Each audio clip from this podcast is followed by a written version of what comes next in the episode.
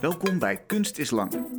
Een podcast van kunstmagazine Mr. Motley en mijzelf, Luc Hezen. Dag, leuk dat je luistert. En als je geniet van Kunst is Lang, wil je ons misschien helpen door het eens aan iemand anders aan te raden. Iedereen is namelijk hongerig naar nieuwe podcasts tegenwoordig, dus zo bereiken we een groter publiek voor de kunst. Vanavond praat ik met Danielle Lemaire. Ze tekent in krijt en potlood, vaak in zwart-wit. Voor een deel zijn het concrete voorstellingen met verhalende elementen. Een leeg jaren 50 interieur, een gang met woekerende planten, een houtgesneden beeldje en een heel klein weergegeven mensje erbij. De contouren van het gezicht en het silhouet van singer-songwriter Nick Drake. Allemaal herkenbare taferelen. En binnen die tekening vaak een bijzondere aandacht voor structuren. Houtnerven, ingevlochten haren of de geweven stof van een colbertje. Maar er zit ook altijd een laag in het werk die minder direct tot de werkelijkheid is te herleiden. Meerdere figuren die over elkaar heen zijn getekend, vage schimmen die door de hoofdtekening heen schemeren, of gekleurde wolkachtige figuren die eerder een gevoel of sfeer aanduiden dan een concreet aanwijsbare situatie. Danielles tekeningen ontstaan vaak in reeksen, doordat ze zich onderdompelt in een voor haar nieuw onderwerp of een nieuwe wereld.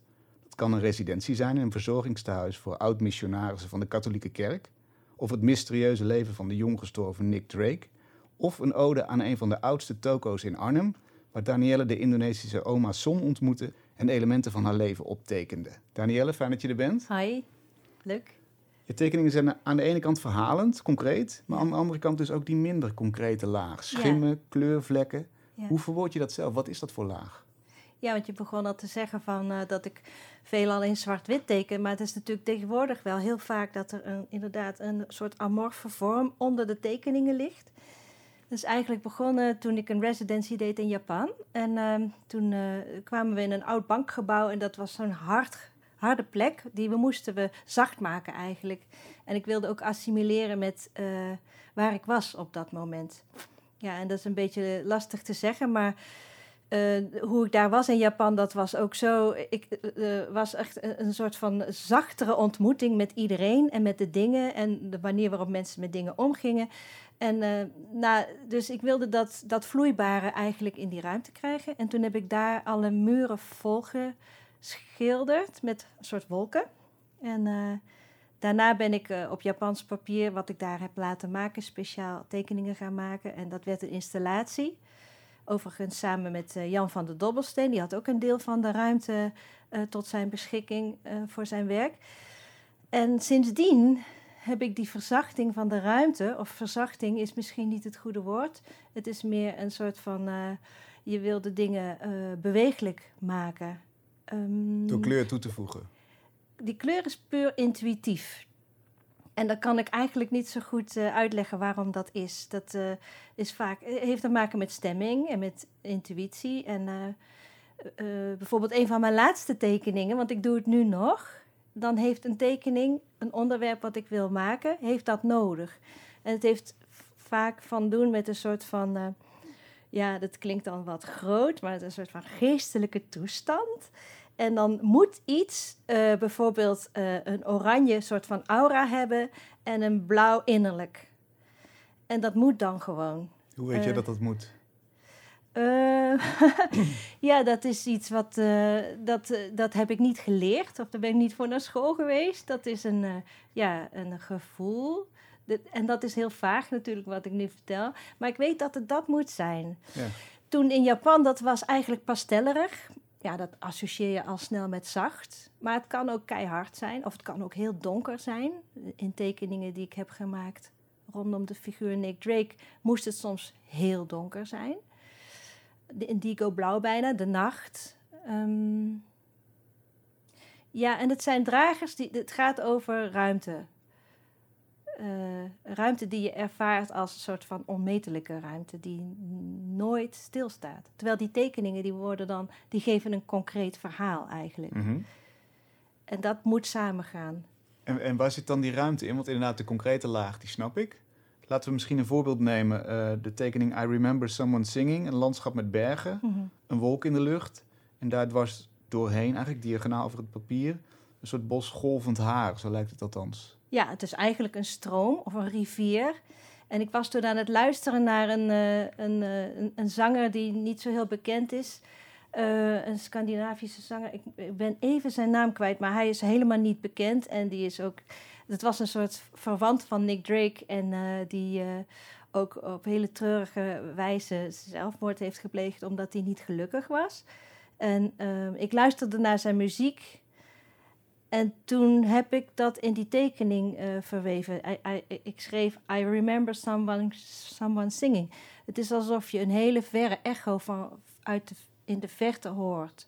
Ehm, je kijkt naar een landschap, je, je ervaart ruimte, maar er is iets van een menselijke eh, ja, schaduw of iets wat daar geweest is. Of, intussen luisterde ik naar muziek, inderdaad. Dat heeft altijd invloed.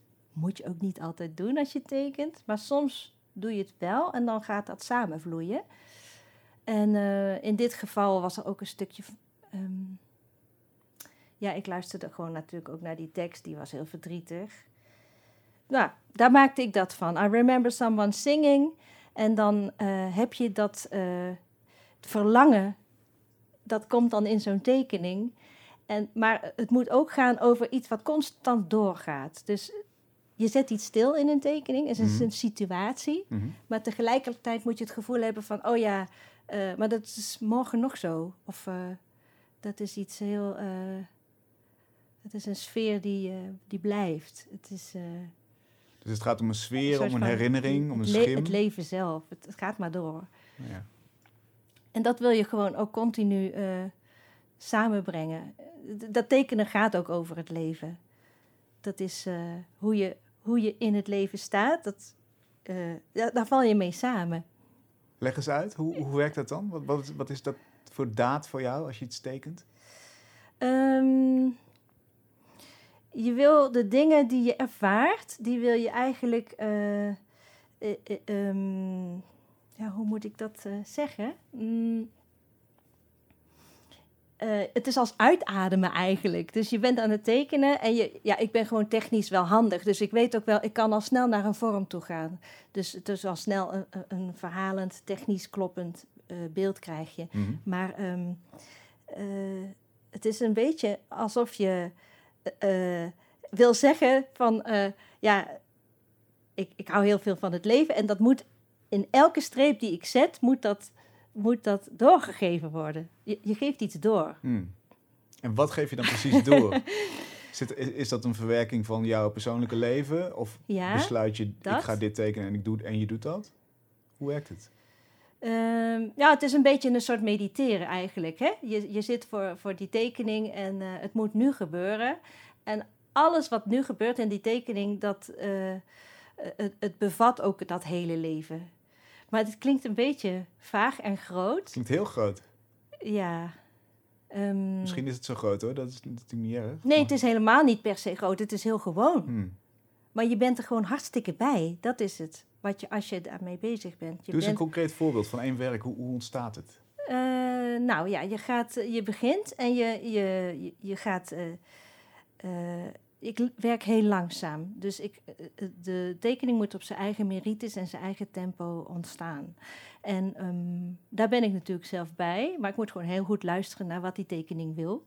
En waar die naartoe wil. Ik moet wel een beetje weten wat ik ga tekenen. Ja, je begint met een plan, denk ik. Ja, toch? want zon, als je niet weet waar het over gaat, dan daar hou ik niet zo van. Ik ga niet zomaar patroontjes tekenen. Waar je, nu, waar je nu aan tekent, hoe is dat begonnen? Met welk plan begon je voor dat lege vel? Eh, waar ik nu mee bezig ben, dat is eh, een beetje. Oh ja, dat is een heel mooie tekening. Dat is ook weer begonnen met zo'n soort van aura van eh, vlekken. En daarin komt een personage te staan. Het is niet makkelijk hoor, want zij is groot. Het is een zij, het is Ria Rago. En dat is een eh, figuur uit een eh, koloniale missiefilm. Die eh, film die is echt geweldig. Het is een beetje een. als je nu kijkt, dan denk je, hoe is het mogelijk dat dat verhaal ooit verteld is in een film? Ria Rago is een heldin die heel moedig is. En haar ouders zijn heidenen. En ze woont op Flores. En het is een verhaal uit de jaren 30, geloof ik. En haar ouders willen haar uithuwelijken aan een eh, moslimman. Maar dat wil zij helemaal niet. En ze heeft hele wilde haren. Ze is echt prachtig. Eh, dus ze vlucht. En dan in Flores zijn een aantal eh, katholieke missionarissen gevestigd en, en zusters. En ze weet als ik naar hun toe ga, dan, dan word ik geholpen. En in die film, uh, ze vlucht, maar ze kan aan de deur kloppen bij die missionarissen. En uh, die uh, laten haar binnen en um, die helpen haar. En ze is natuurlijk moe van het vluchten. En ze heeft wonden van, van de takken van de jungle waar ze doorheen is gegaan. En dan gaan ze haar helpen, maar ze drukken haar ook een heel groot kruis in de handen. Nou goed, ik vind het gewoon een mooie figuur. Zij komt een beetje voort uit uh, mijn interesse voor het missieleven in de, in de uh, verre landen in de wereld. En um, uh, dan wil ik haar verbeelden. Okay. Dus ik identificeer mij met Rio Rago eigenlijk. Van, mm -hmm. wie, wie was dat? Ik weet dat niet. Het is een beetje een bijna mythologisch figuur. Nou ja, die wilde haren, die moeten erin. ze moet geworden geassocieerd met een mooi symbool. Dat moet erin en dat is in dit geval een draak. En, Waar komt die vandaan, die draak? Nou, ik moet eerlijk zeggen dat die draak, die, die, dat is een symbool van kracht, wat ik ook heel veel uh, uh, heb gezien in beelden die ik ben tegengekomen van een van de missionarissen, maar misschien moeten we het dadelijk over hebben. Mm. Uh, die, die een missionaris die ik heb leren kennen en die beelden heeft meegenomen uit Papua Nieuw-Guinea naar Nederland. Want dat is natuurlijk een lang verhaal. Ja, laten, laten we eerst inderdaad bij de beeldopbouw beginnen. Dus we beginnen met een vlek, dan, dan haar portret. Ja, zij moet daar opkomen. Dus ik heb heel veel foto's. Ik heb filmstils van die film en uh, die bestudeer ik. En dan, ik heb een boek gelezen over haar, uit in de jaren dertig geschreven, ook door een pater. Een waanzinnig boek, zo, zo echt van die tijd. En dan leef ik me in. Dus ik moet mijn onderwerp leren kennen. Dat moet. Dat, die gaat in mijn lijf zitten, een beetje. En dan, uh, uh, moet ik, uh, dat, dan moet ik haar tot leven brengen. Dus dat onderwerp komt tot leven. En dat is ook een beetje wat ik net zo heel vaag zei: van ja, tekenen is leven. Maar het is wel een bezielde onderwerp wat je mm. gaat tekenen. En nou, dat is zij nu op dit moment voor mij. En ik weet dat het een hele klus gaat worden. Maar ik heb haar goed opgezet en uh, we gaan elkaar een beetje leren kennen. Zo. Ja, zo voelt het. Ja, zo voelt het. En uh, ze kijkt me nog niet aan, maar dat hoeft helemaal niet. Misschien uh, ga, gaat haar hele gezicht wel verdwijnen, zodat dat ook weer tijdlozer wordt. Als je zegt ze kijkt me niet aan, dat betekent ze heeft nog geen ogen. Het is nog niet Jawel, heeft ze wel, oh. maar die zijn nog dicht. Die zijn... en die zijn nog heel zacht met potlood, terwijl haar haren en haar jurk zijn al hard. En ze staat op, die draak is al heel mooi, waar ze op staat. En ik heb gezien, omdat uh, Ria Rago een beetje natuurlijk uh, een ver, uh, hoe noem je dat? Verchristelijkte Indonesische meisje is uit die tijd. Um, dat het Geertgen van tot Sint-Jans, die heeft in, de, in museum Boymans van Beuningen, hangt een heel klein schilderijtje, een middeleeuws schilderijtje van Maria. En die zit ook op zo'n draak. En dat daar ja, maakte ik een soort connectie mee met dat schilderij.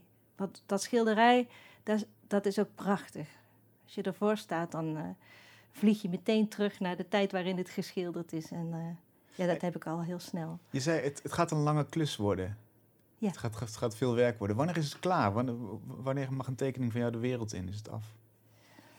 Um, daar heb ik niet zoveel over te zeggen want ik moet echt dat ding met rust laten. Kijk, als je lekker wil eten, dan ga je ook niet uh, in een vijf minuten even iets maken. Als het goed is, dan moet je daar de tijd voor nemen. Um, kan zelfs zijn dat je zoiets, dat je een tekening uh, misschien wel een half jaar laat hangen. Mm -hmm.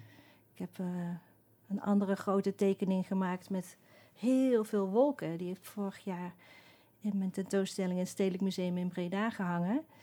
Daar heb ik heel lang over gedaan, misschien wel een jaar. En soms kom je er gewoon niet aan en soms weer ga je erop door. En wanneer wist je dat, hij klaar was? Dat moet groeien. Ja, wanneer weet je dat het klaar is?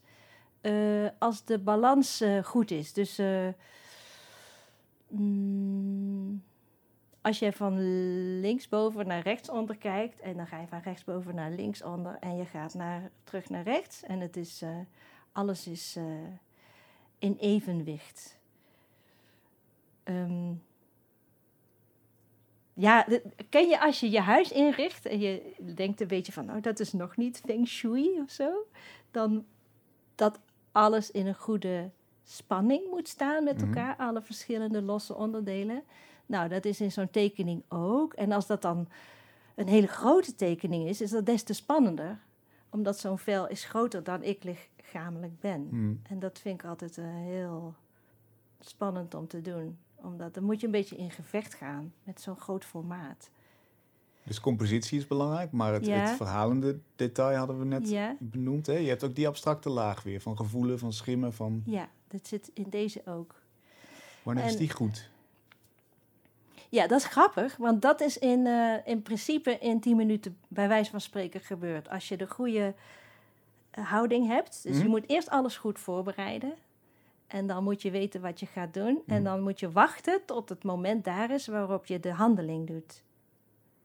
In hoofdletters. Oh, Wat is de handeling? Het is een beetje zen-achtig. Zo van, dan, bij, bij zen is het zo dat je eh, voordat je gaat nadenken over iets, kan je de handeling doen. En die is meestal goed. Maar dat is wanneer dingen samenkomen in je hoofd. Mhm. In dat enig extra gaatje wat je hebt.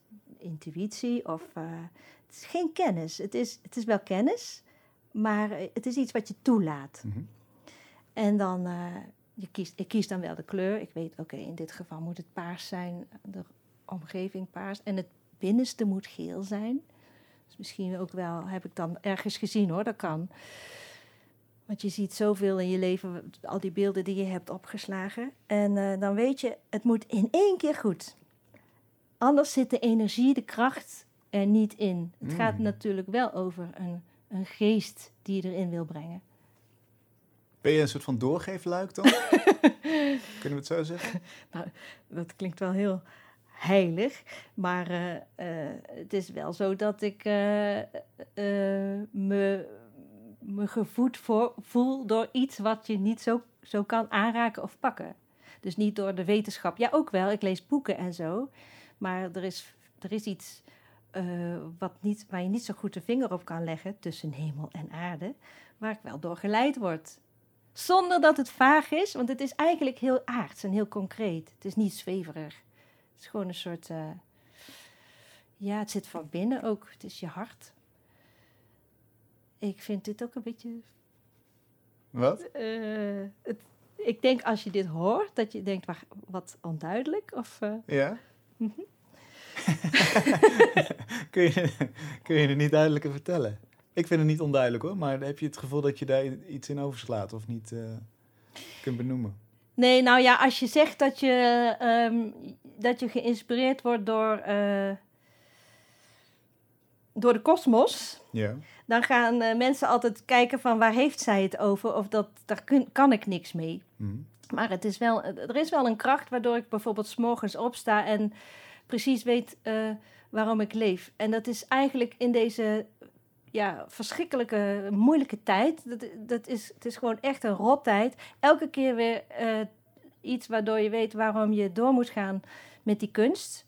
Die dialoog, die is gewoon super belangrijk. En eh, daarin is de vriendschap of de relatie met het leven zo goed dat, dat, dat het elke keer weer jou aangeeft eh, waarom het zin heeft om 's morgens überhaupt weer te beginnen. Kun je dat in woorden vatten, waarom dat zo is? Wat is die reden? Of wat voor gevoel hoort daarbij? Ja, dat je gewoon eh, eh, overtuigd bent van.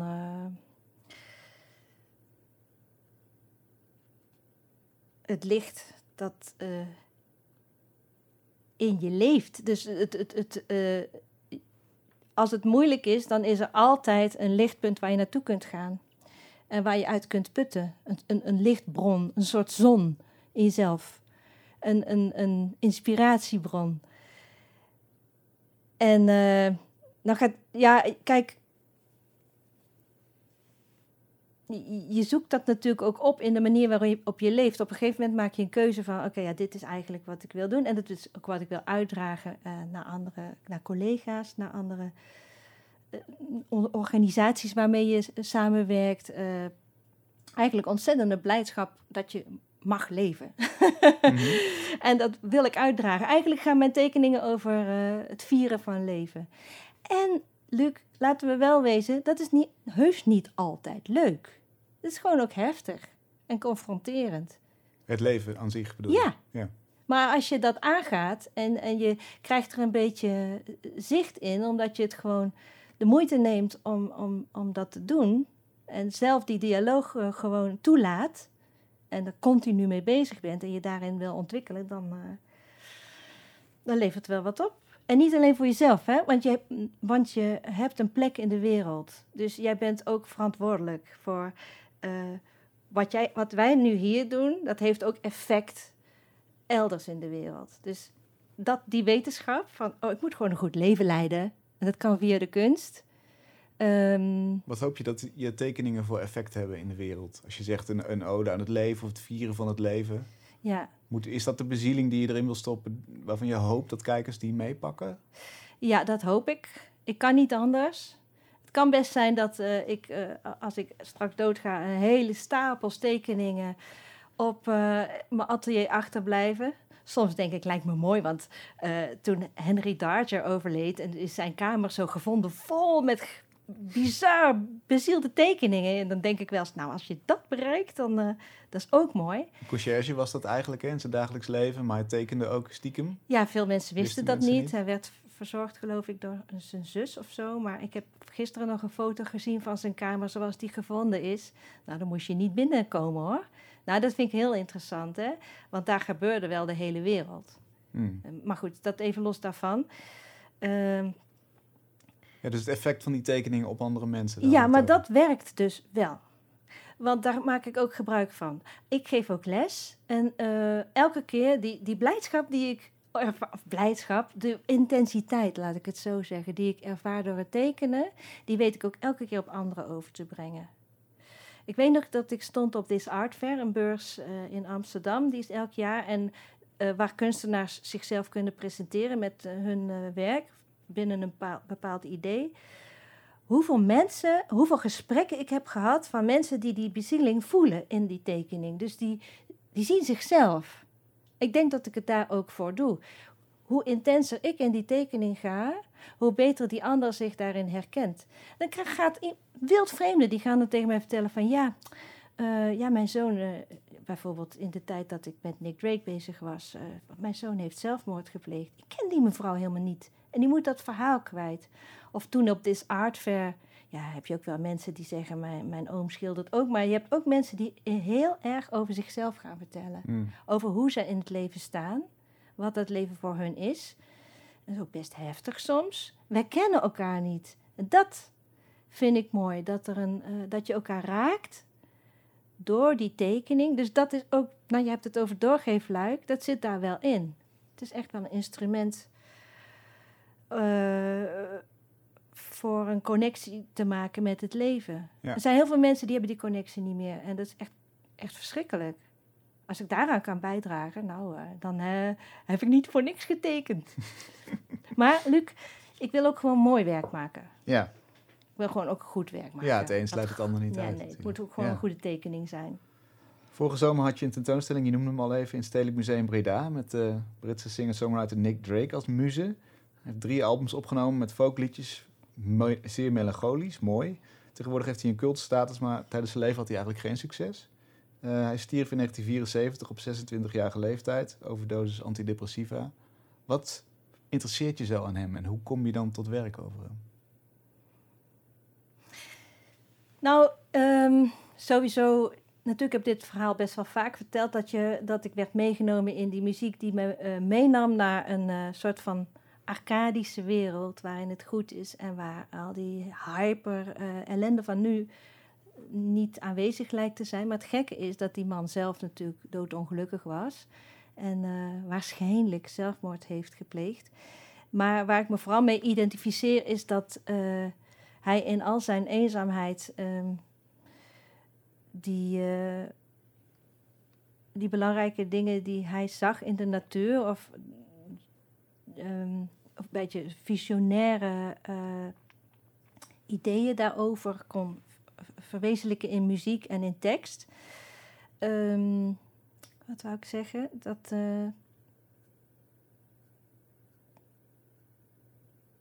Wacht even hoor. Ja, ik weet niet. Het ging over eh, wat je zo interesseert aan hem. wat hij Oh ja, dat hij, dat, dat hij ook helemaal niet graag op het podium stond Mhm. en heel verlegen was. En, dus het moest gebeuren. Hij, hij wist gewoon dat het goed was. Hij Mhm. werd niet erkend. En Dat was vervelend voor hem. Maar als mens was hij gewoon... Je kon niet door hem heen komen. Hij was, eh, later althans. Hij heeft gewoon wel een leuke jeugd gehad en zo. Voor zover ik dat heb kunnen begrijpen uit de biografieën. En er was ook een jongen met humor. Maar eh, hij eh, vond het verschrikkelijk om op te treden of naar buiten te treden. Hij had in die tijd ook nog geen social media, dus hij kon zichzelf ook niet verkopen. Hmm. Maar dat, eh, die, die, die eenzame angst om op het podium te staan, dat herken ik wel. Of die verlegenheid. Heel veel mensen die zeggen van, hoezo, jij bent toch niet verlegen? En, Want ik, ik, ik kan heel goed altijd eh, contact maken. En Ja. eh, vind ik ook leuk, andere mensen spreken en zo. En mezelf eh, ehm, ja, over mijn werk vertellen bijvoorbeeld. Maar die, die pijloze diepte van eenzaamheid, Die herken je. ja, Die zit daaronder. Maar ja, als je die niet opzoekt, dan kan je ook geen goede kunst maken, denk ik. Misschien een beetje ouderwetse ideeën, maar ik, ik zie dat gewoon ook in anderen, vooral in de muziek. Iemand als Jandek, de- die heb ik zien optreden. Ja, dat, daar was dat ook bij. Het zijn eh, laagtes en hoogtes en dieptes die, eh, die kan je alleen bereiken door gewoon heel erg te concentreren op eh, wat je maakt. Dus opoffering en, en lijden zit er ook wel in. Dat, dat zorgt voor goed ja, werk. nee, ik ga niet lijden, sorry. Nee, ik moet wel lekker eten en goed slapen en zo. Maar, maar het Ja, maar is... lijden heeft een, een pijloze Nou, diepte van eenzaamheid. Dat, ja. dat, dat klinkt als lijden, toch? Nou, ik zoek, ik zoek wel soms dat op, ja. Dat je gewoon, eh, gewoon eh, niet afsluiten. Het is geen afsluiten. Het is wel alleen zijn, Mhm. maar afsluiten bestaat niet. Want die wereld draait door, hè. En het heelal om jou heen is er ook. Dus die beweging is er continu. Wat in, in die wolken in mijn tekeningen ziet, die beweging is er altijd. Het is niet... eh, dat contact is er ook altijd. Als jij je terugtrekt in je eenzame... eh, eh, zijn als kunstenaar, dan wordt dat contact zelfs veel groter met alles wat er is. Want het is het enige contact wat er ontstaat. Die tekening is, is de... Ja, maar die, die vertegenwoordigt voor jou ook gewoon eh, dat contact wat je hebt met, eh, eh, ja, met het heelal. Mhm. Dat, dat, dat ga jij aan. En daar zeg ik niet mee van, oh, ik weet precies wat het heelal is. Helemaal niet. Maar je, het besef dat je gewoon maar zo'n klein poppetje bent... oh, en dat die aarde ook helemaal niks voorstelt. Dat dat, en wij draaien continu, hè. Weet je wel, iedereen doet zo alsof het allemaal zo belangrijk is... eh, eh, en je vooral moet vestigen en zekerheid en zo. Maar vergeet niet dat je continu aan het, aan het eh, roteren bent. Wat, wat doe je met die kennis? Wa- waarom Niks. is dat zo belangrijk? Helemaal dat- niks. dat moet je ook niet onder mee aandacht te brengen? rondlopen. Nee. Het is alleen dat het zo is. Soms moet je bij jezelf nagaan van... Ja, maar eh, we staan niet stil, hè? Maar wat zegt dat dan? Waarom, waarom moet je dat beseffen? Dat is een soort van draadje van hier naar boven en terug. Hmm. Dat is voeding. Maar daar hoef je niet de hele tijd bewust van te zijn. Nee. Dat kan ook helemaal niet. nee. Maar dat is wel de relatie die je legt met een tekening. Die, die moet die oppervlakte... Ja, daar moet het wel een beetje in terugkomen Ja. graag. En ik denk, dat is bezieling die je erin legt. En ik merk dat anderen dat het, die vlam slaat over. Anders vinden mensen mijn tekeningen vast niet... eh, of ik bedoel, er is een relatie. Is een fysieke relatie. Hmm. Het communiceert. En dat Nou. fysieke vind ik ook belangrijk. Nou hadden we het over de, het vieren van het leven in tekeningen. Maar als je het over Nick Drake hebt... Ja, dat was niet echt het vieren van het leven. Dat, dat, is, dat gaat over eenzaamheid. Dat gaat over Nou, onbegrip. Nou ja, wat er in zijn werk zit, is, eh, dat, dat is niet voor niks dat dat nu zo sterk is. Hè? Dat, zo, dat het zo'n eh, rol speelt voor veel mensen die troost vinden daarin.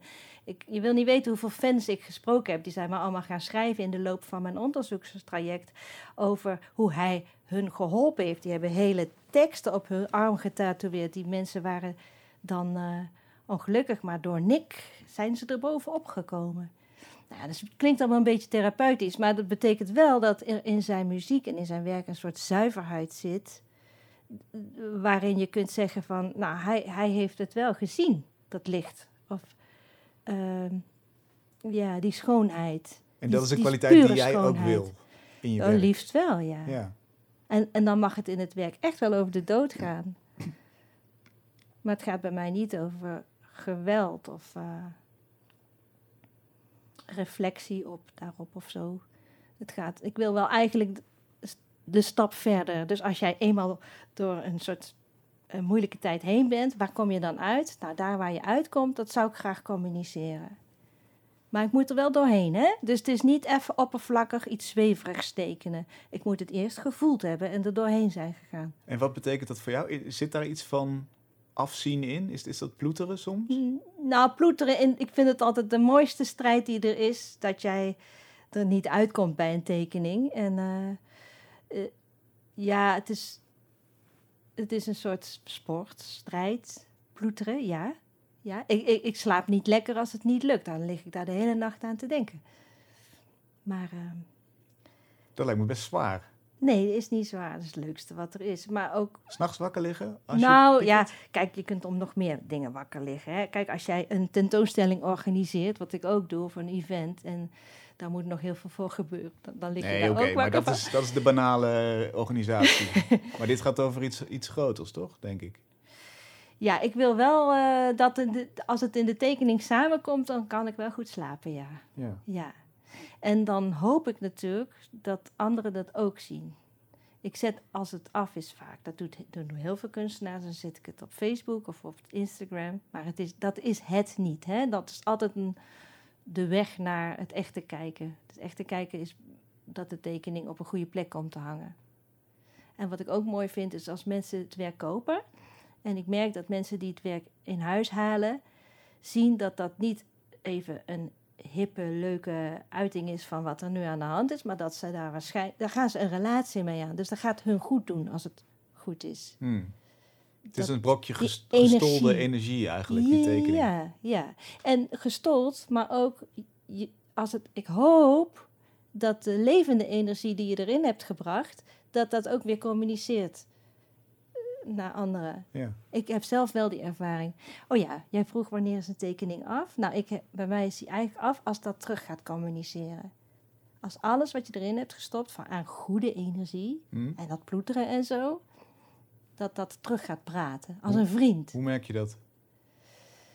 Eh, het geeft rust en eh, ja, je gaat fluiten, het is fijn, je gaat zingen, je weet. Oh, ik. Oh, ja, je bent er. Hoi. Hallo.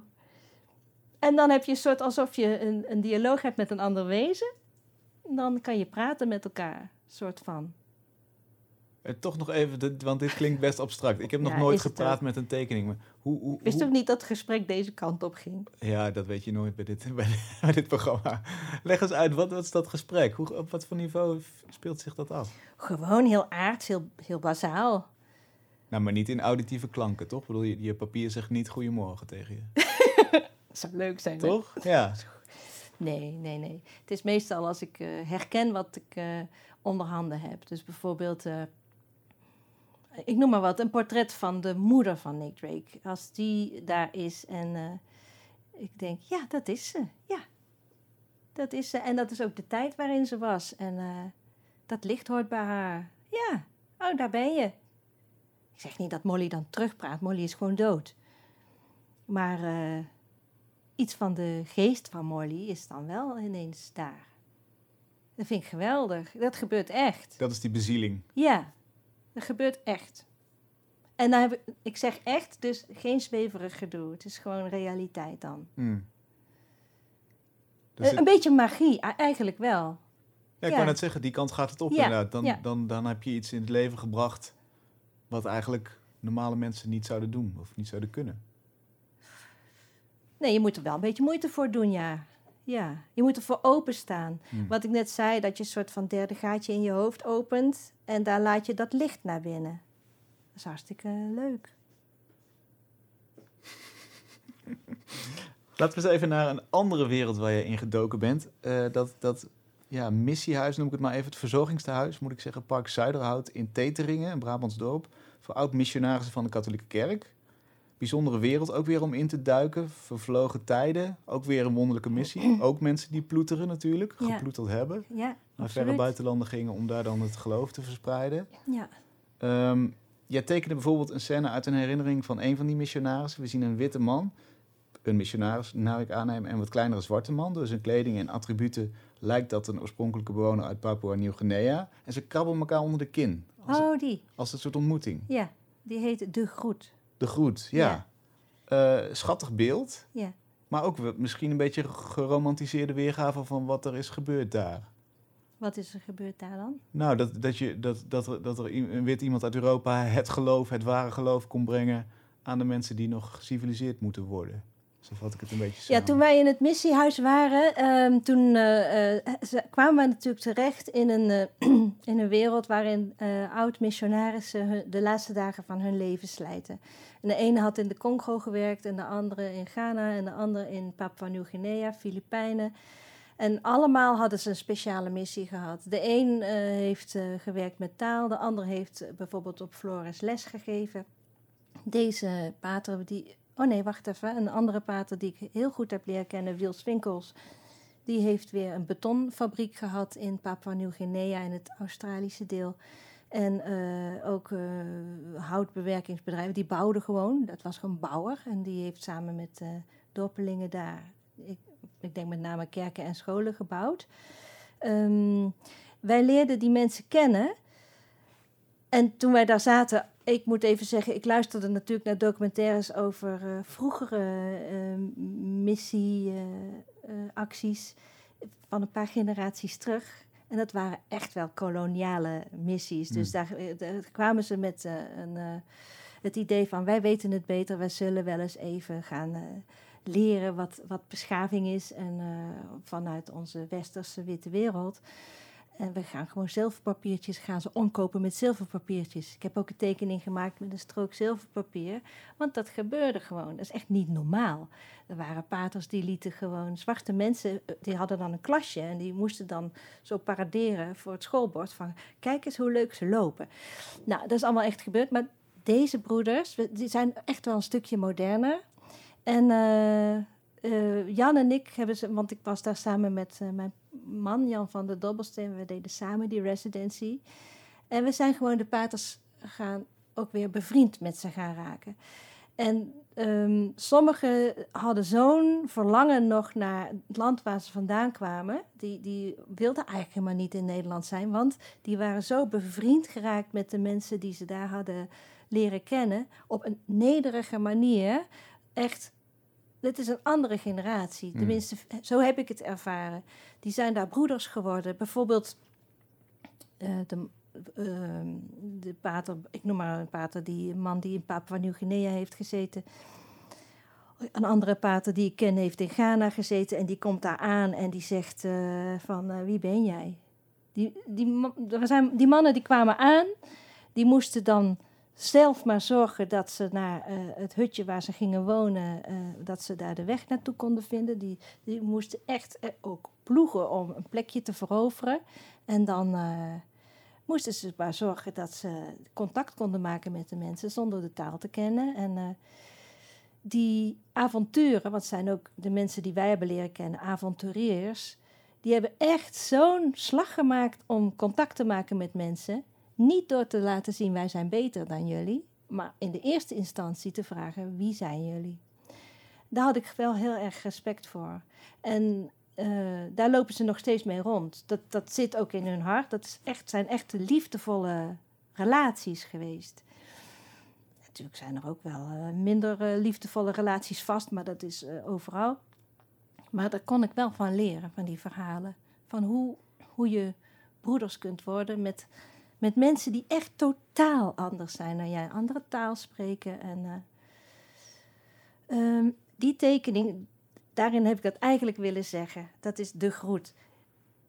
Toevallig is het een witte man die hoger is dan deze Papua-man. Hm? Maar het zijn twee mannen tegenover elkaar die elkaar groeten door elkaar onder de kin te kriebelen. Maar het is grappig dat in deze tijd zou je het kunnen lezen als... oh, dat is een, een, een witte man die het beter weet. Maar mijn, ik wilde alleen twee mannen laten zien die elkaar groeten... op de manier zoals de paters dat doen. Eh, namelijk zoals ik de paters heb leren kennen in dit missiehuis, eh, vanuit een soort van gelijkwaardige benadering. Hmm. Uiteraard, uiteindelijk gingen ze het Gods woord brengen. Maar ook vanuit een, eh, bijvoorbeeld deze pater Wiel Swinkels, die in Papua Nieuw-Guinea is geweest, die, die, die was ook, die, was door, gewoon geroepen door God, zoals hij dat zelf zag. Dan weet je ook niet beter, dan, dan moet je dat gaan doen. Maar hoe doe je dat? Je hoeft niet per se iemand te onderdrukken om dat te doen.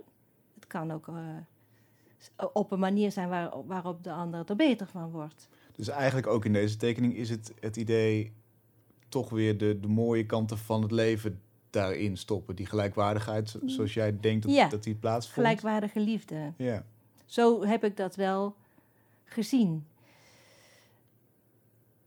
Dat beeld. Zelfs al is het misschien het systeem van überhaupt daar komen en, en hè, de- de zendeling zijn. Gestuurd worden door Rome. Ja, daar kun je nogal wat vraagtekens bij zetten misschien. Maar, maar zelfs Natuurlijk. binnen zo'n systeem is het, zit, zit die levenskracht. Nou ja, weet je, ik, heb dat, ik, ik vind dat ik dat zo kan laten zien, omdat ik die mensen heb leren kennen. En ook, kijk, jij komt daar als kunstenaar. Wat is nou weer een kunstenaar? En, en zij waren zo nieuwsgierig naar ons. Van, ze hebben ons ook benaderd. eh, zo van, goh, echt totaal open vragen stellen over het werk. En echt willen weten wat je doet. En dingen over je lezen. Nou, dat kom ik niet eens in de kunstwereld zo intens voor soms, weet je wel. Hoe heb je het eh, ze uitgelegd? Wat is de korte versie van het verhaal wat je hebt verteld? Van dit, dit, dit doe ik als kunstenaar. Ehm, ja, eigenlijk door ze mee te nemen in, in je tekeningen. En ook door hun vragen te stellen van... ehm, ja, nou ja, ik heb bijvoorbeeld een gebedsruimte getekend. En er was een, een van de oudere paters, eh, Wim Wijten. En eh, ook, eh, die heeft op de Filipijnen gezeten. Die, ja, die leest dan zo'n tekening. Die komt dan elke, elke dag even kijken op je atelier van hoe, hoe ben je gevorderd. En op een gegeven moment zegt hij, ah ja, die ruimte daar eh, zitten wij elke zondag. Ik zeg, ja, maar dat is niet zomaar een ruimte, hè Wim? Ga ik weer een beetje belerend doen. Ik zeg, het is ook, eh, je ziet, die gordijnen zijn niet zomaar gordijnen, maar daar gaan, je ziet, het zijn vooral lijnen die van boven naar beneden lopen. En er zit een cyclus in. En in deze tekening gaat de tijd in een soort cirkel. En dan wijs ik dingen aan. En eh, ja, dan weet ik niet of hij het begrijpt. Maar dan zegt hij op een gegeven moment wel van... Oh, oh nou zie ik het. Nou begrijp ik het. En dan zeg ik... Oké Wim, hij blijft hier hangen. Kun jij het dan aan de anderen vertellen? Wat jij gezien hebt? En zo laat ik die tekening eh, zijn eigen leven leiden. En dan moet dat onder de mensen daar ook, ook een leven gaan leiden. Ik zie eigenlijk best wel overeenkomsten tussen die missionarissen en, en jou. Je hebt ook een soort zend, zendingsdrang. Levensenergie, kracht die van boven komt, inspiratie, bezieling. Het, ja, het ja dat was eh, absoluut. ehm, ja, dus soms dan sprak ik een pater en die had het dan over Jezus in zijn hart. En ik heb het echt niet heel de tijd over Jezus in mijn hart of zo. Maar de intensiteit van de liefde die je niet kan eh, vastpakken per se, maar die in je leeft, dat, nou, daar hebben we het weer, dat licht, dat herkende ik wel. Ja, dat herken je ook wel degelijk bij elkaar. Dat was wel. eh, maar daar, daar doe je allemaal niet wollig of bijzonder over. Het is eigenlijk super eenvoudig. Hmm. Omdat het voor jezelf zo helder is, inderdaad. Het is helder, dat Ja. is het, ja. Helder e- en eerlijk. Een andere wereld waar je niet eens zo heel diep in hoeft te duiken is eh, een, een Indonesische toko in Arnhem. Waar je ook een schitterende ode aan hebt getekend eigenlijk in 2016. Daar is de Indonesische oma Son de baas.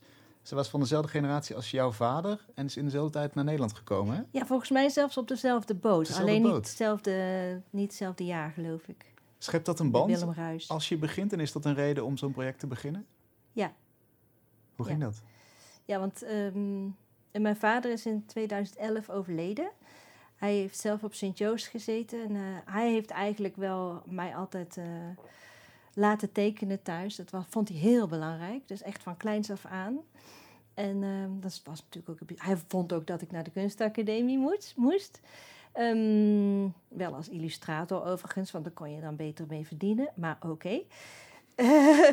en ehm, toen hij overleed in 2011, eh, toen zijn we een deel van de as gaan uitstrooien op het voetbalveldje, ja, dat mocht eigenlijk niet, maar daar hebben we stiekem in een handdoek een wat van de as gewikkeld en het vliegtuig mijn moeder en ik meegenomen. En op het voetbalveldje waar die ooit voetbalde, uitgestrooid. Het voetbalveldje was volgens mij niks veranderd, alleen er waren weer nieuwe jonge kindjes. In, waar was het? In Semarang. Mhm.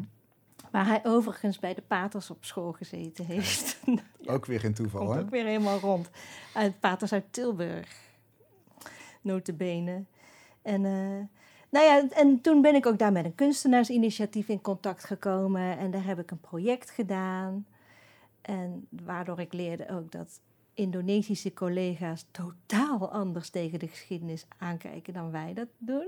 Dus die, weet je. Namelijk? Nou ja, wij, wij hebben hier natuurlijk gewoon. Hè, er is nu ook zo zo'n discussie over eh, het woord de Bersiap in het Rijksmuseum. Dan komt de tentoonstelling. Maar dat woord kennen, kennen mijn collega's in, in Bandung, waar ik was, helemaal niet. Weet je wel? Dat, nou ja, goed, dat is natuurlijk een onderwerp waar je nou wat heel breed en groot is. Maar ehm, dat, dat- was interessant om te leren. Oké, dat. Maar ik leerde ook mijn vader kennen natuurlijk. En sinds hij is overleden ben ik mij daar steeds meer in gaan verdiepen. En eigenlijk gek interessant is dat ik hem beter ben gaan leren kennen zelfs nadat hij is overleden. Eh, dat missen en dat, die melancholie die ik vorig jaar in mijn tentoonstelling over Nick Drake heb eh, gevoeld, heeft ook heel erg te maken met het verlies van mijn vader. Dus dat, je gebruikt al die dingen, die komen allemaal terug in je werk. Ja, die trillen mee. Ja. Hoe kwam je in de toko bij oma dus toen ik gevraagd werd voor de Gelderland Biennale, eh, toen vroeg ik... Ik wist dat Hanne Hagenaars, die had het plan om de kunstenaars allemaal in de stad een plek te geven. In winkels, bij mensen thuis. Heel bijzonder, dus niet op geëikte plekken in het museum per se. En toen vroeg ik, oh, mag ik dan, in die, mag ik dan in, bij Indische mensen thuis? Toen ben ik in een wijk gaan kijken en dat zag allemaal heel saai uit. En daar woonden dan Indische gezinnen. Ik dacht, ja nee, maar dit is wel heel grijs. En toen kwamen we uit op die toko in het centrum. En daar ben ik natuurlijk naar binnen gelopen. Het was heel rommelig en ik voelde me meteen thuis. Want dat heb ik heel vaak met Indische mensen. Dat je een stukje eh, kennismaking bijna overslaat. Want je kent elkaar toch? Hmm. Dat is ook een beetje magisch. Ik weet niet wat dat is. Dat is heel vaak. En eh, toen ehm, heb ik kennis gemaakt met de mensen. En oma Son die stond gewoon achter de balie. En die was al hoog bejaard. En op de gang, de trap naar boven, was boven een verdieping, nog een stukje restaurant. eh hingen allemaal hele oude foto's uit de jaren 50. En toen dacht ik, oh, en die heeft gewoon dezelfde route afgelegd als papa.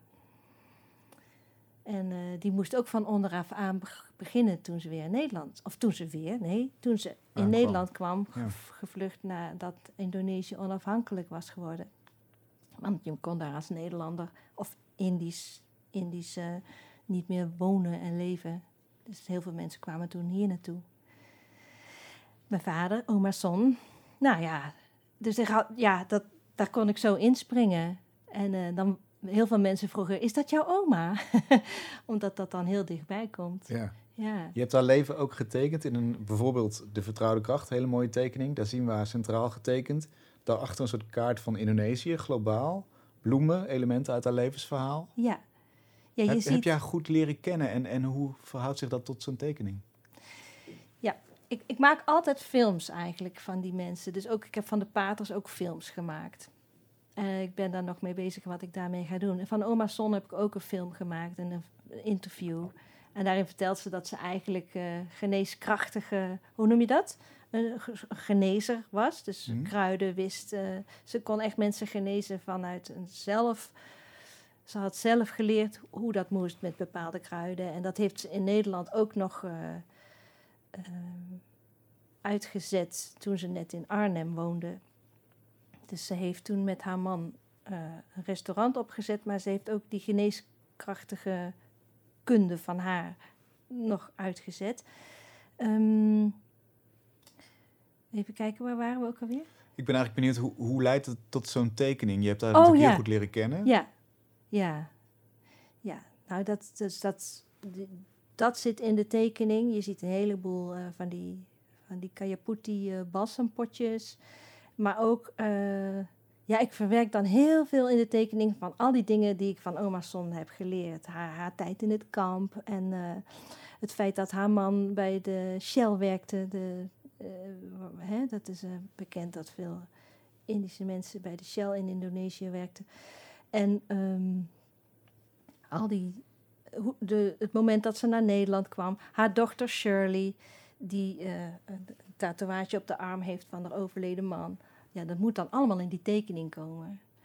Om iets vast te leggen? Is het een soort van tekening, ge- getekende variant van oral history, om het zo maar te zeggen? Ja. ja, vind ik wel heel interessant om te doen. Dat doe ik regelmatig. Heb ik ook met Nick Drake gedaan. Dus elementen uit de geschiedenis die herkenbaar zijn. Dus heel concreet eigenlijk. Eh, plaatjes verbinden aan elkaar. Mhm. Mooi getekend, met liefde getekend. En dan eh, schep je een soort van wereld waarin, eh, waarin het fijn toeven is, hoop ik. Ja, En dan hoop ik ook dat, nou, of ik hoop het niet, het wordt geen illustratie, dat mag niet zelfs. en daarom zitten er meerdere lagen in. Is het niet eenduidig? ja, Eh, zit er sfeer in? Zit er, zit er gevoel in? ja. Als je goed kijkt in die tekening, daar zit een heel landschap onder. Maar daar heb ik weer overheen getekend. Maar het is er wel. Je- Je ziet het niet meer zo goed. Ben je, ben je op dat moment ook dichter bij jezelf gekomen? Bij jouw eigen familiegeschiedenis, om het zo maar te zeggen? Door dat project? Ja. Ja, ja, ja. Maar het is niet alleen oma Son. Hè. Je moet natuurlijk ook met andere Indische mensen veel eh, contact hebben. Dat is hartstikke leuk. Ehm, eh, ik heb bijvoorbeeld, ja, ik zit bij zo'n Indisch netwerk waar, waar, waar veel Indische mensen zitten die gewoon bezig zijn met schrijven of met boeken of met architectuur. Of, en af en toe, ja, dat is een clubje eigenlijk waar je mee uit kan wisselen. Filmmakers. Ehm, ja, soms is er ook wel veel klagen over het verleden. En dan denk ik, ja, ik heb het nou eens over iets. eh, kijk nou eens vooruit. maar het is ook wel heel fijn om bijvoorbeeld eh, Peter Bouwman, die stuurt dan elke keer een nieuwsbrief. En alle dingen die gaan over Nederlands-Indië, van tentoonstellingen die gaande zijn tot en met documentaires die verschenen zijn of boeken die je moet lezen. Alles staat daarin. Dus je je kunt alles wat verschijnt aan nieuwe informatie, die kun je via Peter eh, eh, in je mailbox krijgen. En dat is heel belangrijk en interessant. Eigenlijk zijn al die werelden een soort van... waar je induikt steeds voor een, voor een reeks, voor een project... steeds manieren om je met het leven te verbinden. Op een ander vlak. Op een heel intense manier. Ja. Waar je ook niet, dus niet zomaar van wegloopt als het klaar is. Nee, meestal gaat dat gewoon nog door. Ja. Ja, Welke kan je wereld zit je doen. nu? Ik zit nog een beetje in die paters. Maar ik ben al bezig. Ik ga morgen naar het DAF Museum. Mhm. Oké, even een sprong maken. Kleine autootjes. Omdat ik, ja, ik ga een project doen dit jaar bij de Hilvaria Studios in Hilvarenbeek. Dat is in Brabant, eh, midden in de bossen zijn eh, voormalige studio's. Daar zijn eh, vroeger spannende dingen gebeurd. En nu is het eigenlijk een soort van uitbater door een eh, hotel, re- restaurant, uitbater Le Bonheur. Dat is een restaurant en een expositieruimte en een, een bioscoop.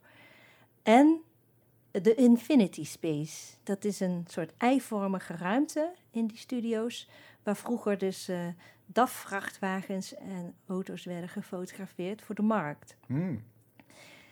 En eh, de man die daar, eh, dat heeft opgebouwd, is een, echt een hele mooie figuur ook.